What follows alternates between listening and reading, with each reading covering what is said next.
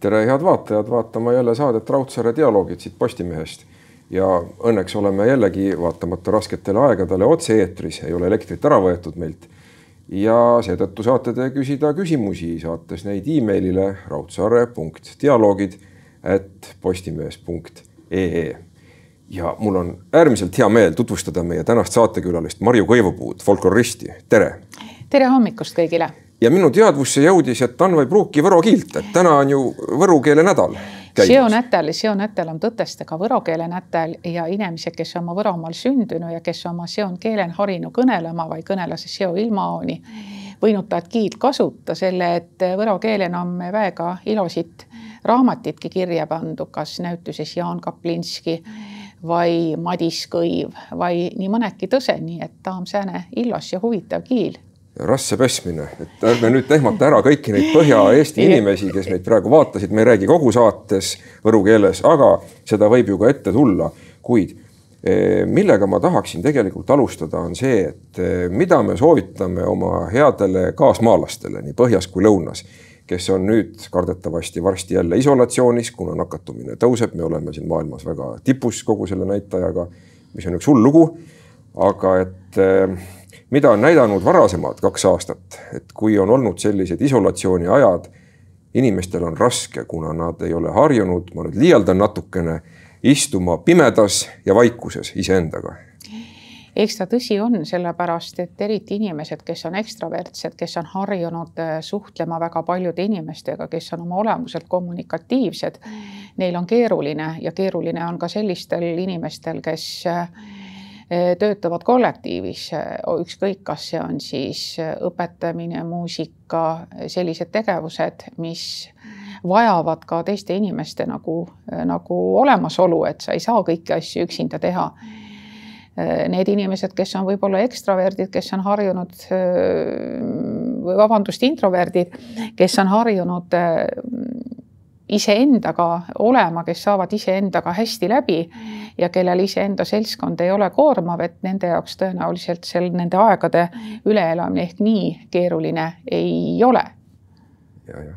et, et see on jah, see on tõsi, et eks, eks inimene on kommunikatiivne olend ja, ja me peame, meil on vajalik äh, emotsionaalselt ka teistega suhelda ja aeg-ajalt lihtsalt niisama lobiseda ja kokku saada ja, ja mis kõik veel. aga kas see on nüüd põlvkondade vaheline erinevus või on siin mingid muud põhjused, et inimestel on raskem iseendaga läbi saada, ma lugesin hiljaaegu ilmunud juuli-augusti Kes-kus numbris oli väga raju intervjuu oli tehtud teiega seal, Marek Reinaas ja Juku-Kalle Raid küsisid, nagu me teame, küsivad nad ägedaid asju, aga oli ka häid vastuseid kuid äh, mitte sellest ei tahtnud ma rääkida, et äh, seal oli juttu siis teie lapsepõlvest äh, Mäepõru küla, mis oli mm -hmm. lõunamaal, Lõuna-Eestis ja no ütleme nii, Eesti geograafiaga võib-olla natuke vähem kursis oleva inimesega, ütleme siis Läti piiri ääres. Valga ja Võru vahel. Valga ja Võru vahel Läti piiri ääres ja, ja eks need on jah, tunduvad siit Tallinnast ikka nii pööraselt kauge, et kuhu teda siis paigutada, aga see on, see on jah, selline tore Eh, tore kant, eh, mis jääb sinna, eh, jääb sinna lääne Lääne-Võrumaa poole, kui me vaatame just nimelt, no Paganamaa on jah juba törtsukene kaugemal, aga eks see on jälle niimoodi, et see nii-öelda see kohalik identiteet on meil ju nii-öelda paari kilomeetri piirine, see on hirmus tähtis. vaadates punktid koonduvad, et siitpoolt vaadates tundub see kõik üks asi, eks ole no,, kuigi see nii ei ole. no nii nagu, nii ja. nagu Eestigagi, et meile endale tundub, eks ole, kui me vaatame, et see on tohutult suur ja, ja solvume, kui küsitakse, et kas meie, meie pealinn on, on Riia või, või, või küsitakse, et aa, Estonia, et kas see kõlab nagu Island või Etioopia, siis me oleme kohutavalt löödud. aga nüüd šokeerime head vaatajat, et no, sellest intervjuust ma just absoluutselt, ma just lugesin, et teil ei olnud elektrit ja, lapsepõlves ja ei e, olnudki. esimest korda nägite elektrit Valgas. E, jah, vastab, vastab tõele, see on selline kummaline asi jah, millega tundub, et on võimalik nagu inimesi šokeerida aga seal Läti piiriäärsetes külades, nagu me kõik teame, pärast sõda need, kui need pikad liinid tuli vedada, siis see valgus oli väga ebaühtlane, igasse soppi seda elektrit ei jagunud. ja samas on ka Eestis tänapäeval veel praegugi selliseid kohti, kuhu seda elektrit ei jaganud, jagunud. ja noh, meile tõesti ei jagunud, nii et sinna tuli päris sinna taha soppi tuli see elekter millalgi tuhande üheksasaja seitsmekümnendatel veeti liinid. Nii et, et selleks, et elektrit näha, tuli jah, sõita kas siis külakeskusesse või, või kui ma käisin Valgas oma kas siis Läti sugulaste juures või sugulaste juures, et, et seal ma nägin tõesti esimesena, et ma olen nagu see laps kes teab, mismoodi on elu petrooleumilambi valguses. nii et kodus oli petrooleumilamp ja hubasev hub,, hubisev tuli pliidisuus? täpselt niimoodi. et et jah, et, et see tundub praegu olevat nagu, nagu räägiksime üheksateistkümnendast sajandist, aga nagu öeldud, et kui me vaatame siin telesaateid, siis, siis näeme, et, et Eestis on ka veel praegu, kahekümne esimesel sajandil sellised kohad, kuhu erinevatel põhjustel, küll teistel põhjustel, need on siis finantsilised ja rahalised probleemid, kuhu tegelikult elekter ei jõua, aga tollel ajal oli just nimelt see pikkade liinide pikkade liinide teema, et, et kummalt poolt siis vedada, kas vedada Läti poolt või vedada Eesti poolt. ja seal intervjuus te ütlesite, et käite siiamaani aeg-ajalt seal nautimas neid pimedaid augustöid, kui on näha häid eh, tähti. Ja mis siin salata, on mul endalgi kogemus sellest aastast, käies matkal päris Koiva jõe ääres, Kauja jõe ääres, Eesti-Läti piiri ääres, kus ei ole tõesti peaaegu mitte midagi, aga samas on kõike rikkalikult ja veelgi. Eh, nii ta on, sellepärast et me räägime tänases ühiskonnas, linnalises ühiskonnas eh, valgusreostusest, räägime sellest, et eh, meil põlevad reklaamtuled ja kõik, kuidas teised bioloogilised liigid peavad sellega kohanduma. ja, ja just et sellist nagu jah, sellist tõelist, tõelist pimedust, kus sa näed seda tähesadu ja kuhu nagu ei ulatu tõttu see nii-öelda linnatulede valgus, et, et enam-vähem jah, nendes paikades, kus ma olen sündinud ja väga väikese lapsena ringi liikunud, et seal saab seda kogeda.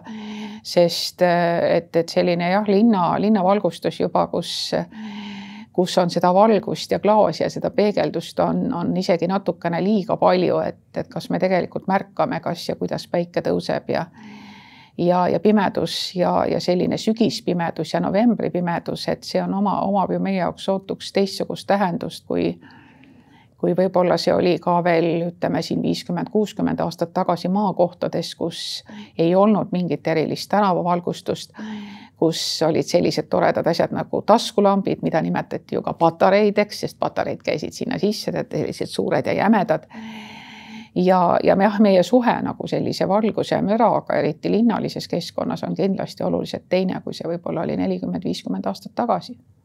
no ja, aga ega tegelikult ei ole ju enamasti täiesti pime ikkagi midagi paistab, kuu paistab, tähed säravad, mingit valgust ikka kusagilt tuleb. jah, aga, aga see on nii-öelda selles mõttes vist, kas ma nüüd ütlen õigesti, et see on natuke nagu ülevalgustatud, et, et seda nagu sellises loomulikus keskkonnas enam linna, linnaruumis jah, niimoodi ikkagi ja ei näe et et see jah, me pildistame superkuud ja see kõik on ja kui proovida nüüd mõelda tõesti sellistesse esivanemate aegadesse tagasi, kus võib-olla kõige kõrgemad maastikuobjektid olid põlispuud, noh, praegu on ilmselt kõige kõrgemad kas mobiilimastid või midagi niisugust.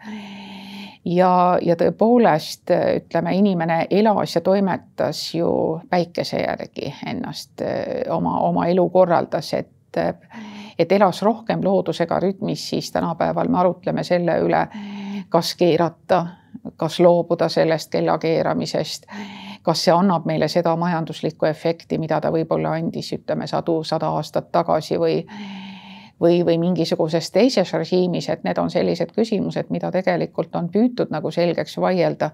aga noh, siiamaani on, on nii nagu on, et keerame aga jälle ja loome endale illusiooni, et et päev algab varem ja, ja õhtuga jõuab sedavõrra varem kätte. see toob mulle meelde ühe anekdoodi Brežnevist, aga saataja piiratuse tõttu ma ei jõua seda praegu rääkida, kus Brežnev tervitas päikest ja nii edasi.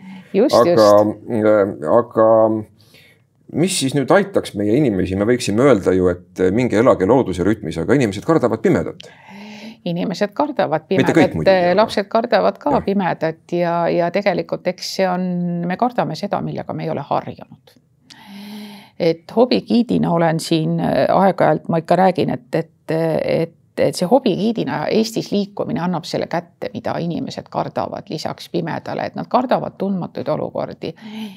kui sa lähed stepi või, või lagendiku rahvaga meie metsa Aha. ja, ja siis, kui ma lähen, kaon ära iseendast natuke lühema männi taha, siis ta on juba hirmus mures. siin Kodru rabas sai kunagi aastaid tagasi tehtud ekskursiooni ja see on, eks ole, Tammsaare mail. kolleegidele, kes olid tulnud siia konverentsile, nad olid ikka tohutult mures, no seal on laudtee ja paaris kohas tõesti vesi tõuseb natuke laua peal. umbes, et kas see blond naisterahvas ikka teab päris täpselt, kuhu ta meid viib ja mida ta teeb, sellepärast et, et noh, see, mis minu jaoks on kultuuristatud loodus, on kellegi jaoks juba metsik ja ohtlik ja samamoodi, kui me tegelikult ei ole harjunud käima pimedatel tänavatel, ütleme, kes on nüüd nõukogudeaegsed inimesed, mäletavad seda, kui kehtis valgusrežiim, raadiost öeldi, et millisele elektritarbimisrežiimile me üle läheme. oli. Niimoodi, eks ole. Et, et siis paratamatult on hirmud, et me tegelikult kardame seda, millega meil ei ole nagu endal praktilist kogemust, et see on selline antropoloogiline tähelepanek ja, ja seda võib jah, koha, paljude tegevuste eh, kohta kohandada, et kas see on siis seotud pimedusega või või, või see on mingite muude asjadega, et ega me tegelikult, on ju tore lugeda, kuidas vanad meresõitjad ja ja, ja kütid ja kes kõik orienteerusid tähistaeva järgi, kuidas see populaarne tudengilaul ütles, et tähisest taevast lugesid ilma lastele mm. saatust ka. siis ega me tegelikult tänapäeval ei oska seda kasutada me orienteerume, meil on väga erinevad moodsad GPS-seadmed autodes, telefonides, me jälgime, eks ole, meil noolekene näitab, kuhu me peame liikuma. Eh, me ei vaata üldse mingisuguseid teistsuguseid märke enam, millise maja juures me oleme, millise puu juures me oleme, missugune on see looduspilt.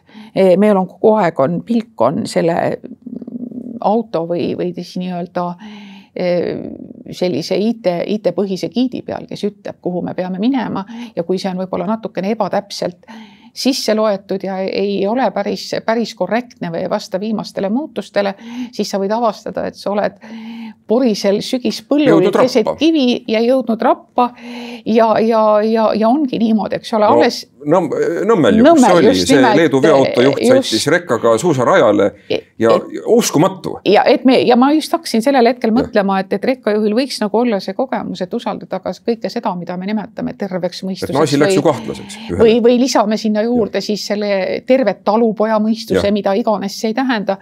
aga see tähendab tegelikult sellist, ütleme kriitilist otsustust, et mida ma siis nüüd rohkem usaldan, kas ma usaldan kellegi tehtud nii-öelda andmebaasi või juhist või ma reaalselt ka vaatan ühesõnaga, et kuhu ma nagu siis lähen ma ütlen, et mina olen suhtunud nendesse GPS-idesse nagu heasse sõpra, kellega konsulteerida. aga ikka siin peab olema midagi, et eh, lõpuks mina ise võtan vastu otsuse ja vastutan selle eest. vaat minu sealt kaugelt Võrumaalt eh, pärit eh, kadunud vanaema tavatses ikka öelda, et ühesõnaga, et, et, et ega kõik need asjad on teinud inimene. ja noh, inimene peab sellest kõigest ka nagu aru saama, et et, et kõiki neid tehnilisi vahendeid, võimalusi ja viise, mis meil on, et, et need on meile ju abivahendid, aga me ei tohiks saada nendest sõltuvaks sada protsenti. ja, aga räägime nüüd sellest, teie kui folklorist, mida on see uus maailm, hea uus ilm meile kaasa toonud folkloori osas müüdid, uskumused on need, mis aitavad meil elada, need on alati olnud ja on ka tulevikus. Nad on lihtsalt teistsugused ja mulle meenub, mõned aastad tagasi käisin oma pojaga Tallinnas ka suhteliselt hämaral tänaval. ja siis ta rääkis mulle, et ta kardab killerklouni et see on selline klouniriietes maniak, kes hüppab välja mootorsaega kusagilt mm -hmm. sisehoovist ja no siis me arutlesime sel teemal, et miks ta peaks tulema ja kes ta selline on. aga uskuge, ma ei vaata enam kunagi McDonaldsi klouni samasuguse näoga ma saan sellest täiesti aru, kahtlemata meie selline, ütleme, folkloorne rahvajuttude pärimus või ütleme, laste pärimus ja see, mida lapsed räägivad ja kardavad.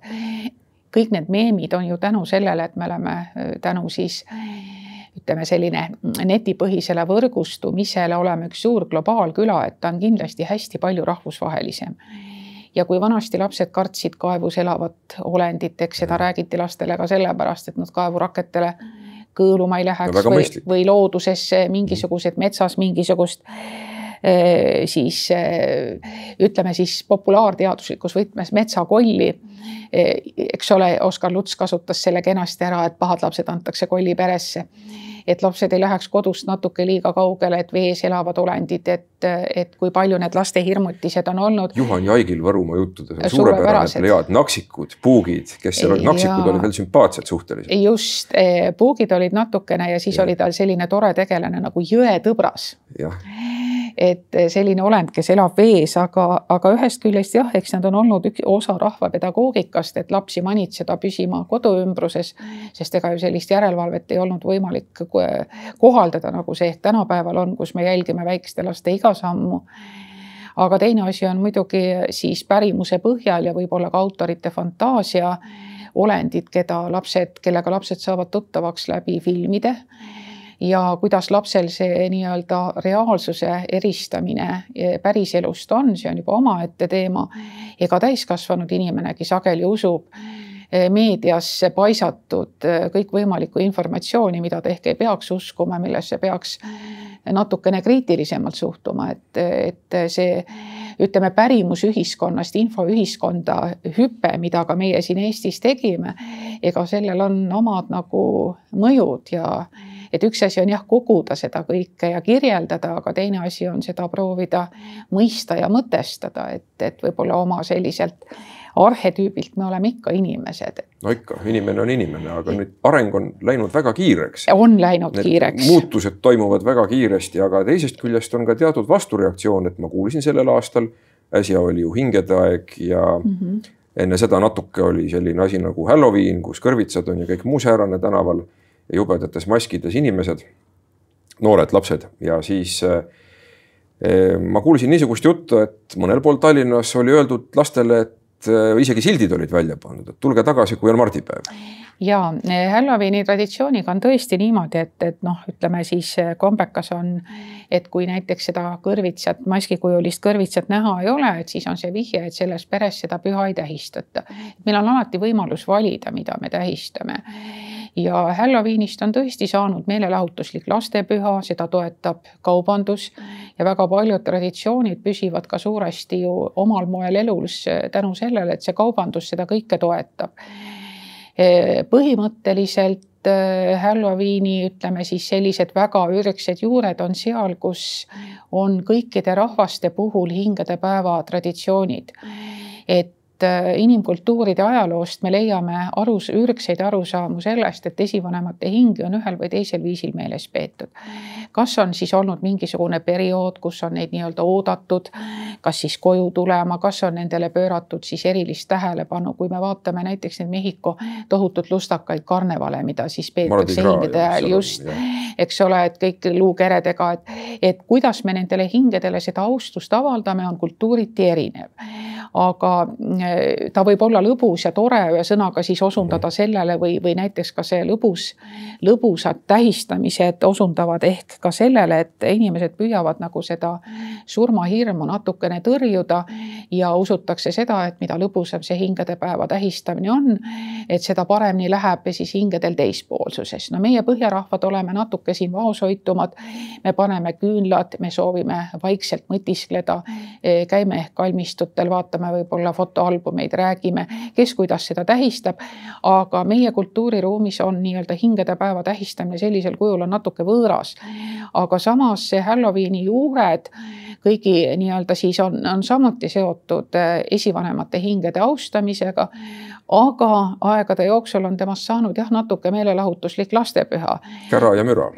kära, kära ja müra ja samas jälle selline rituaalne käratsemine ja müri, müra, müramine või käratsemine ja müra tegemine kuulub ju ka meie teiste, meie omagi rahvuslike kalendritähtpäevade juurde, sest lisaks Mardi ja Kadri santidele on käinud meil Eh, käinud meil Andrese päevasandid, meil käivad jõulu jõulusokk, jõulusokk ja teevad, eks ole, müra.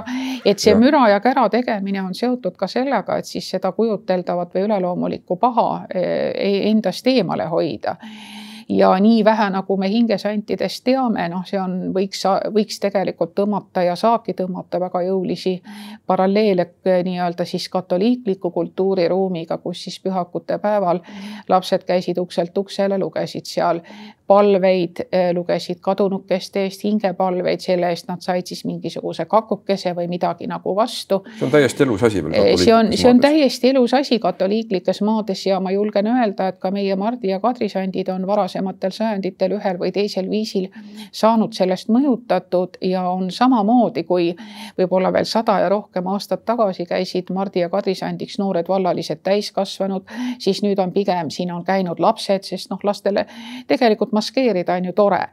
ja kui me mõtleme, ütleme siin sada, kakssada aastat tagasi või natuke rohkemgi külaühiskonnas, siis millised võimalused sügistalvisel ajal noortel inimestel ikka nii väga siis nagu lõbutseda ja kokku saada oli ja, ja see on noh, nagu üks põhjus, aga kindlasti ütleme, sellised traditsioonilised Mardi ja kadripäeva kombed on ka nii-öelda külaühiskonna keskles, nad on seotud põllupidamise ja karjakasvatusega.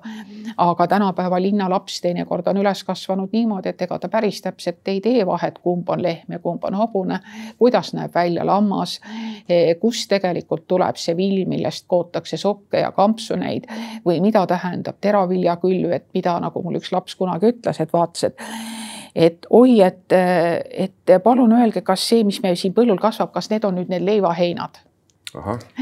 et me no, inimene kirjeldab inimene kirjeldab aru, just täpselt, eks ole, tema, ega, ega seda ei saa lapsele pahaks panna ja ei ole põhjust tema üle naerda kaugel sellest, aga lihtsalt mingisugused tegevused ja, ja mingisugused, ütleme, argipraktikad on ka tänastele noortele natuke võõrad.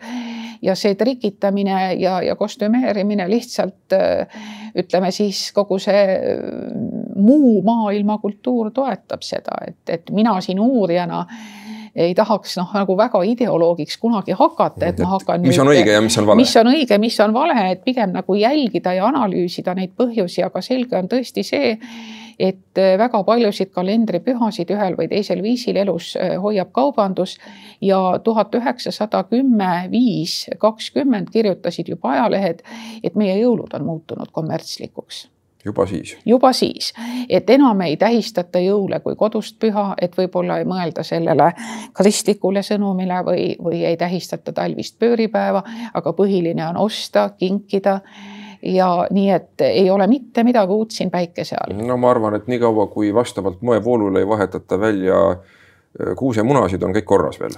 ma nägin ühte, ühte klippi, kus räägiti, et sellel aastal on niisugust värvi moodi ja nii edasi aga noh, võib-olla. see on, see on kaubandustrend, et tõepoolest, et mis värvi jõulud on, et, et ma vaieldamatult kindlasti toetan seda, et me püüaksime ikkagi hoida kinni võimalusel oma, hoida kinni ei ole õige sõna, et me püüaksime väärtustada oma traditsioone muutuvas ajas. sest traditsioon püsib noh, ka siis, kui ta kohaneb. et võib-olla teinekord ka on hirmutav see, et, et ütleme, selline pärimusega tegelemine on läinud spetsialistide kätte ja spetsialistide käest küsitakse sageli, et kuidas on õige.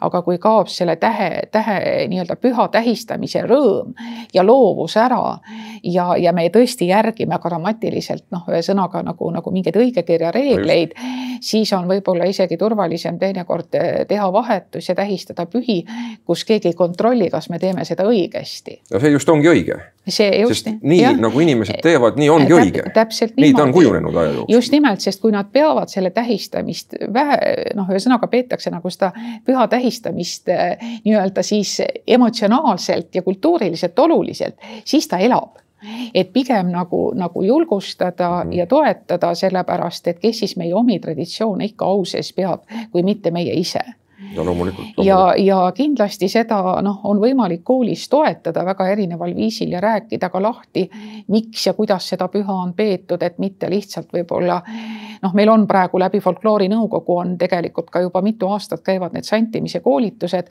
mis on tegelikult väga tervitatav selles mõttes, et kui ma tahan saada informatsiooni, siis kust ma seda saan ja kes nagu eh, sellega nii-öelda, kust ma saan nagu abi. see kõlab muidugi hästi, santimise koolitused. just nimelt, eks ole, no sõna sant eesti keeles tähendab jah kahte, kahte asja, et tegelikult, eks ole, sanctus on ta ju jah, on pühak, aga meil muidugi see kasutatakse seda ka siis eh, nende inimeste kohta, kes eh, võib-olla ei ole ei ole siis kas füüsiliselt või, või, või muidu ei ole nii-öelda oma kõige paremas vormis, et, et mhm. tal on natuke selline negatiivne tähendusvarjund ka küljes ja ka see tuleb lastele selgeks teha. ma ei tea, kas see vastab tõele, ma vaatasin Vikipeediast, seda ei saa alati võtta tõsise allikana. ei, ei saa, see aga, on tõsi. aga ma vaatasin seal teie artiklit ja seal oli kakskümmend kolm kogu, erinevat kogu, kus te olete siiamaani tegev. ma ei tea, igal juhul neid oli palju Neid on palju. kuidas te jõuate, seal on äärmiselt palju erinevaid valdkondi mm, ja mida ma tähele panin siit on ka see, et hästi tähtis on teie jaoks looduse teema, loomade teema, taimede teema, ka ravimtaimed sealhulgas ja ka looduslikud pühapaigad jah, ütleme, et see tõesti, see looduse ja pärimusega tegelemine on, on selline asi, mis on mind väga köitnud ja eks nende komisjonidega on tõesti ka niimoodi, et et kui nad nüüd iga päev, kui me iga päev kokku saaks, siis, siis oleks see välistatud, aga need on sellised fundamentaalsed tegevused, kus saadakse paar korda aastas kokku ja kus ühel või teisel viisil proovime siis Eestis neid protsesse suunata, mõjutada, aidata, mitte niivõrd või aidata kaasa, et inimestel oleks nagu turvaline motivatsioon ühes või teises suunas, eh, suunas tegutseda. Ja ma arvan, et see on ka natukene nagu teadlase kohus, et kui ma eh, tegelen Eesti te teemade uurimisega, et seda siis noh, erinevas, erinevate väljundite kaudu ka Eesti inimestele tagasi anda ja tutvustada siis ka erinevaid praktikaid, et kuidas samu küsimusi äh, lahendatakse nii-öelda raja taga teistes riikides või mida meie oma praktikatest on siis võimalik vahendada äh, teistele riikidele, millised on meie kogemused ja, ja noh, see on muidugi juba konverentside ja ja igasuguste muude kokkusaamiste teema, aga, aga ma arvan jah, et, et see on, see on minu jaoks on ta nagu samavõrd oluline, et ma ei näe nüüd selles mingit niisugust äh, noh, ütleme ma ei oska öelda jah, et, et, et võib-olla minus on siis ivake sellist ka otsustamisjulgust, et, et mingites, mingitel puhkudel nagu, nagu tuleb leida nagu see konsensus ja otsida kompromisse.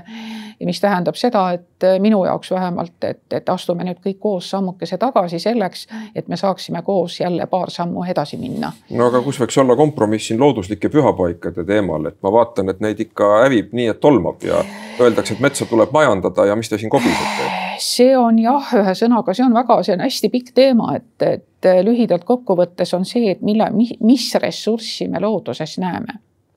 et kas me näeme seda ressurssi ainult, mis äh, täidab rahakassat või me näeme selles ka kultuurilist ressurssi äh, ja mida ja kuidas kohalikud inimesed nii-öelda, mida nad peavad väärtustamisväärseks. Ja siin on samas seesama kompromisside otsimine, et, et võib-olla see on see, et, et praegu me väga paljusid pühapaiku toome omal kombel tagasi ka maastikule. aga detail- ja üldplaneerimis, planeeringute puhul kindlasti tuleks arvestada, kuidas seda parimal moel teha. eestlastel on selline tore ütlemine, et hundionud oleks söönud ja lambad jääks ka terveks. et siin ongi seesama, et, et mida me, me ei saa kõike säilitada, me ei saa teha kindlasti Eestist nii-öelda suurt vaba õhumuuseumi. aga samas oma kultuuri parimal moel toetada, väärtustada, õpetada, nägema, rääkima ja see on väga tähtis. ei no ma saan aru, aga ma toon kaks näidet, millest üks on hea ja teine on halb. et eh, Leedus oli püha puu, mida võib-olla paljud ka teavad, mis jäi alles keset kiirteed. nii et üks teeniit läheb ühelt poolt ja teine teeniit läheb teiselt poolt. vot see ongi seesama kompromiss, eks ole, et kuidas me selle lahendame, et, et tunduvalt mugavam on, eks ole, võtta see tee maha, mul on Võrumaal teine samasugune näide kuuekümnendatest, kus teelooge päästis sellise ära ütlemata suure ristimänni, kus see tee viidi lihtsalt no ümber. ja, ja vot see on seesama, millest ma praegu nagu just nagu rõhutan, et meil on vajalik teha nagu kompromisse. et kas me teeme lühiajalisi otsuseid äh, või me vaatame tegelikult äh, natukene, natukene kaugemale. ja kõik, kes sõidavad mööda kiirteed rõõmustavad seda puud just, vaadata. ja, ja samas on ka see, et, et kas see on meile ikkagi eluliselt oluline, et me jõuaksime kuskile kolm minutit varem, mis see meile annab ka õige, aga nüüd ma toon selle negatiivse näite, et tuleme Põlva lähedale, kus võeti maha ristipuid, nii et mühiseb ja ja seal küll omal ajal kukkus üks puu ka ühe ehitaja auto peale ja öeldi, et näed, et hakkab pihta, aga noh, kuna minu esivanemad on pärit ka Võrumaalt, siis ma tean, mida see traditsioon endast tähendab, aga ma saan aru, et kõik ei tea. ja aga no sealt ei tule ju ka, mis asja sa saad sealt, see paar puud võtad maha no,, see ei anna ju mitte midagi arv, majanduslikult. arvutasin välja siin koos selle looduslike pühapaikade eksperdikomisjoniga, et ma võin praegu otse-eetris ilmselt, kas palju neid hektareid tuli, kas tuli mingisugune, ütleme poolsada. aga siin on jälle seesama, et me ei soovi kompromissi leida, me ei soovi sellepärast, et ja, ja noh, mulle mind mind kohutavalt häirib selline argument, et aga mina ei ole näinud. ma ei ole maailmas palju asju näinud aga ega see ei tähenda seda, et neid asju pole olemas või et need ei ole kellelegi olulised.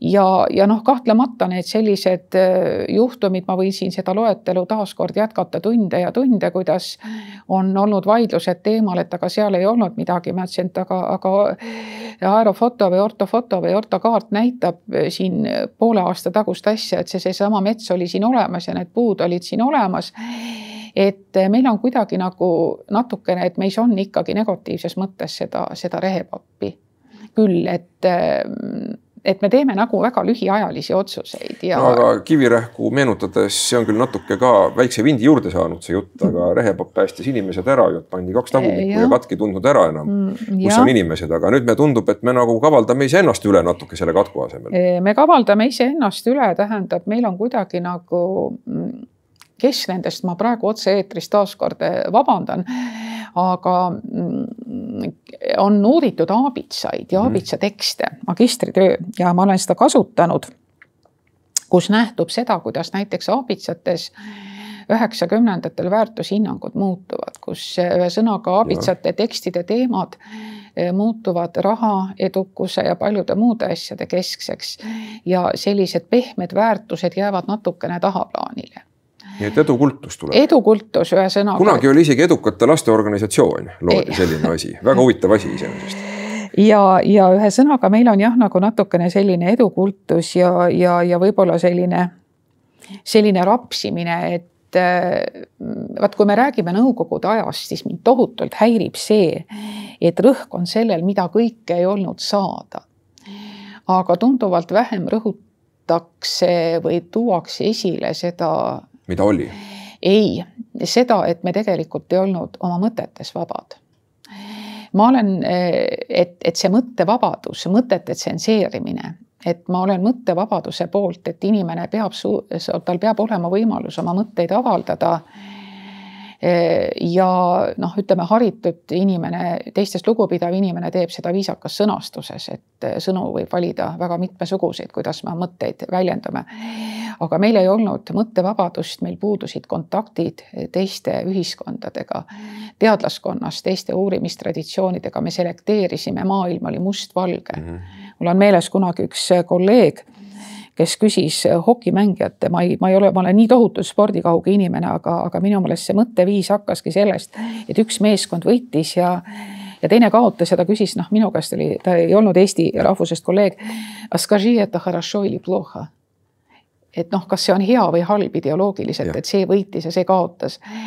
et, et minu meelest nagu, nagu see nõukogude aja taak on just natukene sellises sellises noh, nagu mustvalges eh, jaotuses, et, et me jagame, eh, jagame headeks, halbadeks, õigeteks ja valedeks ja võib-olla me ei oska oma mõtteid ka avaldada, et me noh, ründame kohe, et meil on, kohe on tarvis minna. no Facebookis tormab see kohe. jah, ühesõnaga ja suudab, suudab ja, ja ühesõnaga meie nagu selline oma mõtete väljendamise puhul ma arvan, et me võiksime siiski jälgida, mis sõnadega me oma mõtteid väljendame, vaat kui me tuleme tagasi mm. selle minu ameti juurde, folklorist, et et ma alati räägin äh, seda muinasjuttu, et mis on maailmas kõige parem ja kõige halvem asi, et eks see on ikka inimese keel, et inimene võib oma keele, sõnade ja mõtetega teha ilmas väga palju head, aga ta võib samavõrd teha ka halba. et et, et see on nagu minu arvates just nõukogude, nõukogude ajast on see, et, et selline no vene keeles on see sõna pakazuha, mille tähendust paljud ei tea. et see näilisuse, näili, näiliselt, näilise maailma loomine mhm. ja, ja see mõtteavalduste piiramine, et, et aga, aga praegu jah, nagu keerleb asi rohkem selle üle, et kes sai lepi leti alt äh, defitsiitset kaupa a la suitsuvorst, et teie mäletate, aga minul on need nõukogudeaegsed naljad. no see on ju see Jaan Krossi raamatus tuntud juba, et äh, oli kunagi uudis äh, keelend nailonsärkide kohta, neil on. aga rahvas hakkas ütlema, neil on, meil ei ole, kuna tippametnikel olid vastavad särgid ja siis tuli korraldus, et ei tohi enam kasutada sõna neil on, vaid ainult nailon. aga lähme vaatajate küsimuste juurde ja siin on selline küsimus, et kes on Mardus? Kes on Mardus? Mardus on selline tegelane, kes on siis surnuvaim, vaat marraskuu mm -hmm. on ju Soome, eks ole, tähe, tähistab novembrit ja praegu ongi. ja praegu november. ongi marraskuu ja Mardusena võib siis äh, põhja-eesti keele murretes lõunaeestlastele on ta tundmatu. meie mütoloogiliste tegelaste nimed ongi murdeti või, või kultuurpiirkonniti erinevad. et äh, teda, temana võib näha siis ka sellist pahatahtlikku surnuvaimu ja rahva etümoloogilistes seletustes näiteks on äh, sõna maardu kohanime rahva etümoloogias -hmm. seletatud.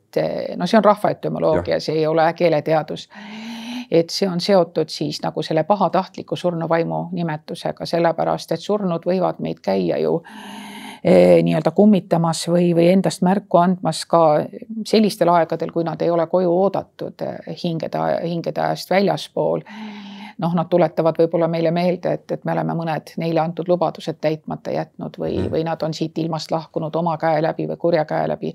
aga jah, Mardus on laias kõige-kõige üldisemalt öeldud, on siis pahatahtlik surnuvaim. mulle meenub kusagilt, et kui kanad hakkavad kanalas imelikku häält tegema, et siis võib seal Mardus olla. jah, kui niimoodi on räägitud, sellepärast et pahatahtlikud surnuvaimud võivad teinekord nii-öelda siis käia ka loomi vaevamas või, või või nende elu siis probleemseks tegelema, tegema ja, ja see, nad annavad siis nagu elavatele inimestele sellega märku, nagu ma ütlesin, et, et, et me oleme siis ilmselt kas jätnud mingid nende soovid täitmata, toiminud nende soovide vastupidiselt või on siis jah, inimene siit ilmast kas lahkunud kellegi teise käe läbi, et nad ei saa nagu rahu, et need on lihtsalt rahutud, pahatahtlikud surnud. aga mis siis teha? noh, eks selleks. lepitusande tuua või midagi? eks selleks jah, kui on äh, lubatud midagi, siis lahkunule, siis oleks vist mõistlik tema soovid täita, vähemalt vanarahvas uskus, noh, meil on ju see ütleme selline eetika, et, et lahkunu viimased soovid peab ja. ikkagi täitma. Ja, ja siis jah, vaadata, et kas inimene ise on nagu, ma arvan küll jah, et, et see on tegelikult meie oma must südametunnistus, mis endast sel moel märku annab mm. -hmm. ei ole välistatud, ei ole välistatud nii, aga siin noh, ma saan aru, et kummitused on noorematel väga suur probleem, et eh, siin tuntakse huvi, et eh, kuidas lepitada kummitust?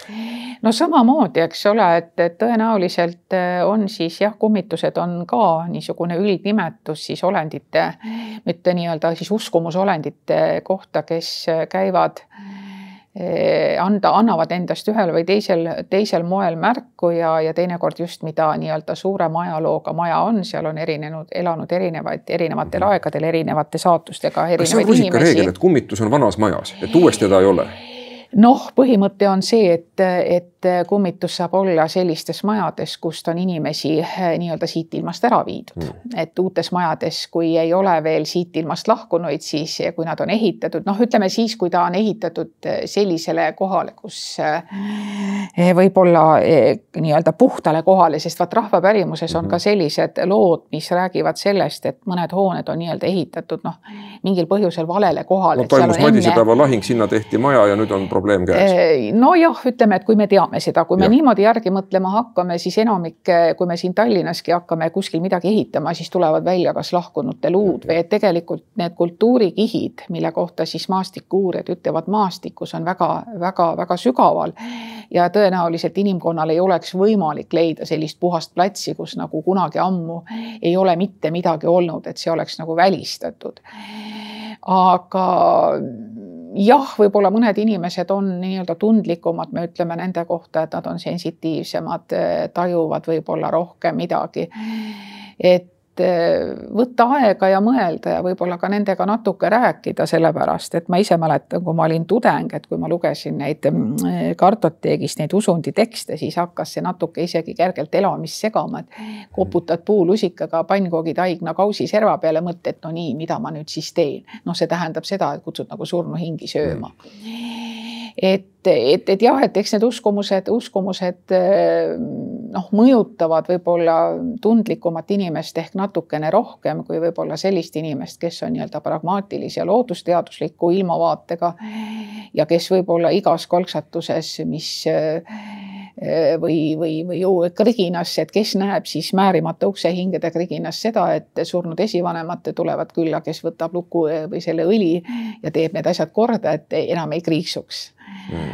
aga samas on muidugi see, et eks meil kõigil on selliseid kogemusi, mida on eh, nagu väga raske ratsionaalselt seletada ja kui nad langevad kokku mingite varasemate põlvede uskumustega, siis nad ju kinnitavad seda uskumust ja eks mul endalgi on oma isiklikus elus neid, neid üksjagu võtta, kus on niimoodi, et et kas siis läbi vanatädide lugude või iseenda tähelepanekute tõded, et tõepoolest, eks ole. no näiteks üks lugu. no ma räägin sellise loo siis, et meie rahvausundis on teada, et, et ei noh, nagu kui metsalinnud tulevad koju, et, et see ei ole nagu võib-olla päris hea märk. tuppa? ei, mitte koju, vaid mitte tuppa, vaid, vaid noh, ühesõnaga maja ümbrusse. maja ümber ütleme, sul tulevad näiteks tulevad rähnid või midagi, no tänapäeval on tore, eks ole, et on, on lindude söögimajas käib eri liiki. Linde söömas. Ja, ma olin niisugune paras koolilaps ja ja siis ka meeldis linde toita ja päevikuid selliseid pidada ja ja mul vanaema ja vanatädi siis nagu ma sain aru, et, et ega nad väga ei rõõmusta selle üle, et mina kirjutan nüüd, et siin nüüd väike kirjurähn käis täna ja suur kirjurähn käis ja porr käis ja tüdrukul on, eks ole, patsid kikkis ja saab koolis kiita ja kõik on tohutult tore. ja vaatad, et nad vaatavad mind kuidagi niimoodi aga tegelikult jah, ühesõnaga siis kevad-talvel see minu vanatädi läks äh, siit ilmast seetõttu, et paraku tohtrid diagnoosisid tal siis düsenteeriaga, tegelikult oli sooltekeerd, aga need on kaks sellist haigust, mida paraku samade meetoditega ravida ei saa. ja siis ma mäletan, kuidas mul vanaema ütles, vot ma ütlesin, see ei ole hea märk, kui metsalinnud tulevad nii-öelda maja ümber, et nende koht on seal. Ja noh, kui sa siis loed, eks ole, rahva pärimusest on kihti ja kihti ja kihti on, on sedasorti kogemusi kirja pandud, et, et seal, kui orav või harakas või, või keegi tuleb, et aga miks ta tuleb siia, et, et, et ta toob mingisuguseid halbu sõnumeid. aga samas on see, et ega ma katseliselt kontrollida iialgi ei saa. et vot see on see selline ühesõnaga noh, kogemuspõhine, et, et loodusteadlane teeb kohe kaks-kolm korduskatset, aga ma ei saa ju katseliselt korrata, et kas see on mingite selliste juhuste kokkulangevus, mis kinnitab varasemat uskumust või, või et kas siin on nii-öelda see seos ja, ja noh, niimoodi selle pärimusega jah, paraku on, et kui meil on mingisugused kogemused ja tähelepanekud ja võib-olla kui inimesed on ka emotsionaalselt vastuvõtlikumad sellistele tähelepanekutele, siis siis nii on lihtsalt, et, et see on see üks, üks, üks miski, mis nagu seda sellist usundilist pärimust ju elus hoiab minu arvates. nojah, eks iga põlvkond paneb oma asju juurde, aga mingisugune tarkus ju ikka vanarahva juttudes on, et selles me ei saa kahelda. jah, ja see tarkus kindlasti jääb ka sellesse aega, kus nemad elasid, et, et väga palju, eks on see tarkus põhineb ka ikkagi sellel elukeskkonnal, kus sa elad, et et kui ma ütlen tänapäevalgi näiteks või noh, kuidas sa ikka seletad, et ma ju oskan tegelikult petrooleumilambi klaasi vahetada ja koorelahutajat lahti ja kokku võtta panna, et aga, aga tegelikult mul nagu seda praktilist tarkust vaja ei lähe. Ja, ja samamoodi, kui me tegelikult ei ole ju noh, ei oska nagu hakkama saada, ütleme ka selliste loodusjõududega sageli, et, et kui siin talv tuleb ootamatult või on tuisud või on vihmad või et me saame häiritud või et kuidas siis nii, et noh, aga tegelikult ilmal on jumalast ükskõik, mis me temast arvame et aga me ei ole harjunud, et me oleme harjunud delegeerima, et kusagil on mingisugune spetsialist, kes selle probleemi meie eest ära lahendab. tulevad koristajad aga ja viivad lume ära. just täpselt, eks ole, et miks te midagi ei tee, eks ole, kui sajab nii või nii palju vett, lund või vett maha. aga samas on see, et me peame mõtlema ka selle peale, et selliseid asju juhtus ka inimpõlvi tagasi varem ja, ja inimesed pidid sellega toime tulema, nad said hakkama, neil olid mingisugused strateegiad. aga praegu läheb viieks minutiks, kümneks minutiks, kahekümneks minutiks elekter ära. Aga siis me ei saa ju Facebooki postitada pilti, kuidas meil elekter ära läheb, eks ole, et kui palju meil on akupanka või, või noh, näiteks noh, ma olen alati imetlenud, et kui on kusagil tormimurud, elekter läheb ära, siis kutsutakse inimesi, et et postitage pilte, siis ma mõtlen, et helde jumal, et selle asemel, et öelda, et, et, et säästke oma akusid mm., eh, millega te saate siis nagu ühis kommunikeerida või abi kutsuda, et noh, selle asemel me tegelikult tegeleme nagu, nagu ressursi raiskamisega või, või ütleme siis selliste tohutute uudiste tootmisega, et, et, et see, see ei ole just väga nagu ütleme, vanainimese seisukohalt ei ole see väga mõistlik et noh, me oleme, me oleme jah, nagu harjunud ikkagi sellega, et, et, et see tehiskeskkond, et, et see tagab meile turvalisuse, stabiilsuse ja ja, ja noh, mis neid näiteid taas, eks ole, ma võiks tunde teile tuua, kuidas lapsed on šokeeritud, et vett võetaksegi kaevust, et me joome seda, mis võetakse maa seest. vesi tuleb ju pudeliga poest. ja muidugi ja, ja kui. kes siis seda ei teaks? eks ole, ja kui nüüd järgi mõtlema hakata, et millal see oli, kui me hakkasime pudelivett ostma, et mineraalvesi oli ju, ütleme meie lapsepõlves oli ta ju apteegikaup. pigem pigem apteegikaup, mida osteti, eks ole, mida teinekord ka Bourgeois vaata, et retseptiga kirjutati välja. no see oli seedimisele hea. seedimisele hea, see oli peaaegu et ravim. nüüd me läheme poodi eh, mingisse supermarketisse ja seal on mineraalvete valik on niisugune, et ajab eh, pea ringi käima. no jaa, see tekitab segadust, aga meil on jäänud minut, enam ei ole tunde kahjuks, rääkida ju võiks veel ja veel, aga et kui me nüüd lõpetuseks soovitame meie heale kuulajale, kuidas siis tervet mõistust säilitada selles novembri hämus, millest Kivirähk on ju kirjutanud, ma ütleks isegi depressiivsel moel minule isegi november on muutunud ikkagi aja jooksul pigem rõõmsamaks kuuks alati leiab midagi huvitavat ja toredat looduses.